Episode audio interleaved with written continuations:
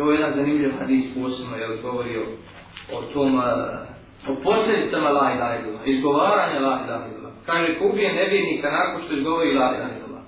Ovaj se hadis prije svega odnosi na rat, ratno stanje, eh, kada su kada muslimani ratuju sa nevjernicima pa ovaj nevjernik prije što je ubije musliman do illallah. kaže on nikad ibn Asud upitao Allahu poslaniće šta kažeš ako se sukobim sa nevjernikom koji se boji protiv mene i sam dobio sjeću ruku? Zatim se sakrije za drvo i kaže prihvatam islam. Smijem li ga ubiti nakon što je to rekao? Ne smiješ odgovorom Allahu poslaniće Allaho poslaniće, on me osjekao ruku, a onda je rekao hoću li ga, onda je rekao hoću li ga ubiti? I ponovo je pitao. Ne smiješ ga ubiti, jer ako ga tada ubiješ, on će biti u položaju u kojem si ti bio prije nego što si ga ubio, a ti ćeš biti u položaju u kojem je on bio prije nego je, nego je to izgovorio odgovorno poslanik, sallallahu alaihi sallam. Ovo hadis je malo nejasan, ako ga čitamo ovako, čitamo i nejasan. Pređemo preko njega. Zato je bitno da se ovaj, hadisi čitaju s komentarom. U ovoj knjizi nema komentara, osim negdje malo nešto dole koja riječ rečenca. Bitno je da se hadis čitaju sa komentarom, jer mi vrlo često ne možemo shvatiti, ne znamo njegovo značenje, ili jednostavno ne možemo bez komentara, jer ne možemo dokućiti poruku hadisa.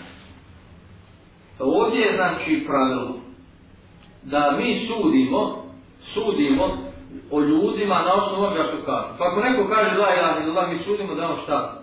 Sve muslima. Bez obzira što je u njegovom srcu.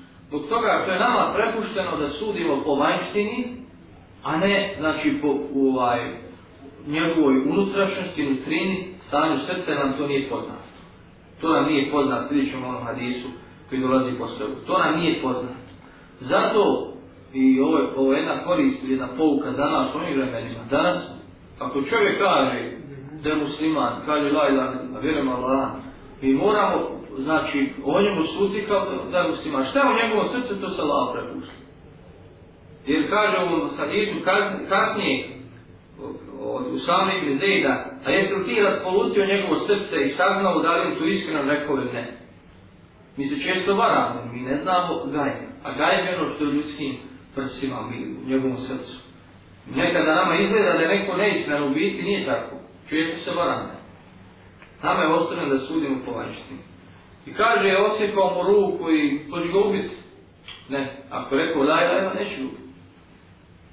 Vidimo koliko islam tolerantan i koliko pazi, jeli, na, na pitanje šehadeta i na pitanje da da da Kaže, ne smije ga ubiti jer ako, ako ga tada ubiješ, nakon što kaže la ilaha illallah, on će biti u položaju kojem si ti bio prije nego što si ga ubio. To jeste da u tom slučaju kada on kaže la ilaha illallah, njegova, njegov život je zaštićen. Njegova krv je zaštićena. Kao što je tvoja bila zaštićena prije nego što si ga ubio. A sad kad si ga ubio, tvoja nije zaštićena. Što? Jesi ubio čovjeka koji je povanjštini musliman, a za ubijanje muslimana ovdje glava. Znači ovo je Mikdad ibn Esve, a u drugom hadisu do same ibn Zejda kaže, u same ibn Zejda je ubio tog nevidnika, koji spotko nadrlo, kaže la ja ila, i on samo ga ubio. I poslanik Ali Islatu sam ga ukorio od toga. Što si ga ubio? Šta ćeš sad? Šta ćeš sad ti njegovi la ila ila na sudnji dan? Pa ja to nosna leđima. Kaže on je, Allah poslanić je rekao, zbog straha od smrti, od ti znaš? Od ti znaš? Rizik, rizikovo su ubio si. I kaže, kad svatova dio Hadisa, kaže, ako ga ubiješ tada, on će biti u položaju kojem si ti bio prije nego što si ga ubio, znači u tom slučaju, kad je rekao la ila ila, njegov život postaje zaštićen, gotovo je, stop. A kad si ga sad ubio nakon što je rekao la ila ila, tvoj život je, tvoj život nije zaštićen, odnosno sad si u položaju u kojem je on bio prije nego što je kazao la ila I što, postavlja se pitanje, što poslanik Ali Islat Veselam nije izvršio a, kisas ili smrtnu kaznu znači nad ovim ashabom, Usama ibn Zaidom, zbog toga što je Usama ibn Zaid smatrao da je on nevjednik. Znači on je imao mišljenje da ga to ne čini vjernikom, same riječi Lajla ilaha da ga ne čini vjernikom i mogao ga ubiti.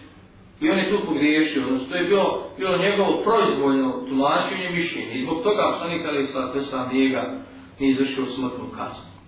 Jer po islamu ako ubijete muslimana bespravno, namjerno, smrtna kazna, i vi, i vi, i vi, se, ova, i vi gubite život. A u ovom slučaju, uh, Usama je vjerovo da on ne vidi. Mislio da ga la ilaha illallah ne čini vjernikom.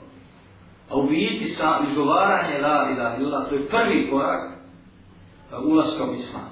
Kad smo ušli u islam sa la ilaha illallah, onda se traži drugi korak. To, je, to su ovi temelji islama, namaz, post, zekat i hač. I ovdje treba, znači, jedna, jedna generalna pouka i korist iz svih ovih hadisa jeste da vodimo brigu o donošenju suda ljudi Da sudimo ljudima prema manjšnje. Ako čovjek kaže e, la ilaha illallah, on je musliman, a drugi obaveze prema Allahu, to je prepušteno, znači to je između njega i Allaha. U stanju u kojem mi živimo, mi ne živimo, znači u islamskom sistemu, u islamskoj državi, i to je osnova. Da su oni koji govori la ilaha illa, smatruju sebe muslimanima i za nas muslimanima. Sve dok ne budu, znači, javno, sve dok ne budu javno se odricali, odnosno, nijekali islam, njegove temelje, sve dok javno ne kažu da napuštaju, vjeru da nisu muslimani. Naravno, postoje djela koja čine i riječi, koja čine čovjeka e, nevjernikom, koja ga izvede iz vjeri, ali to opet pitanje e, ne ostavlja se nama da mi sudimo pojedinačno ljudima. Mi za određeno djelo možemo im kazati da je to djelo nevjestva, ali za određenu osobu koja je učinila to djelo, to je nešto drugo. Za nju mi ne smijemo i ne možemo kazati da je nevjernik da se ne ispune određeni uvjeti.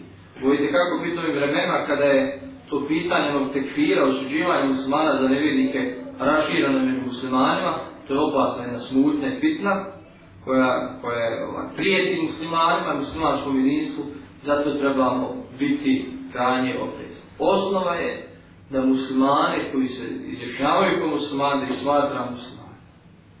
A njihovo stanje, njegove duše i srca prepuštamo.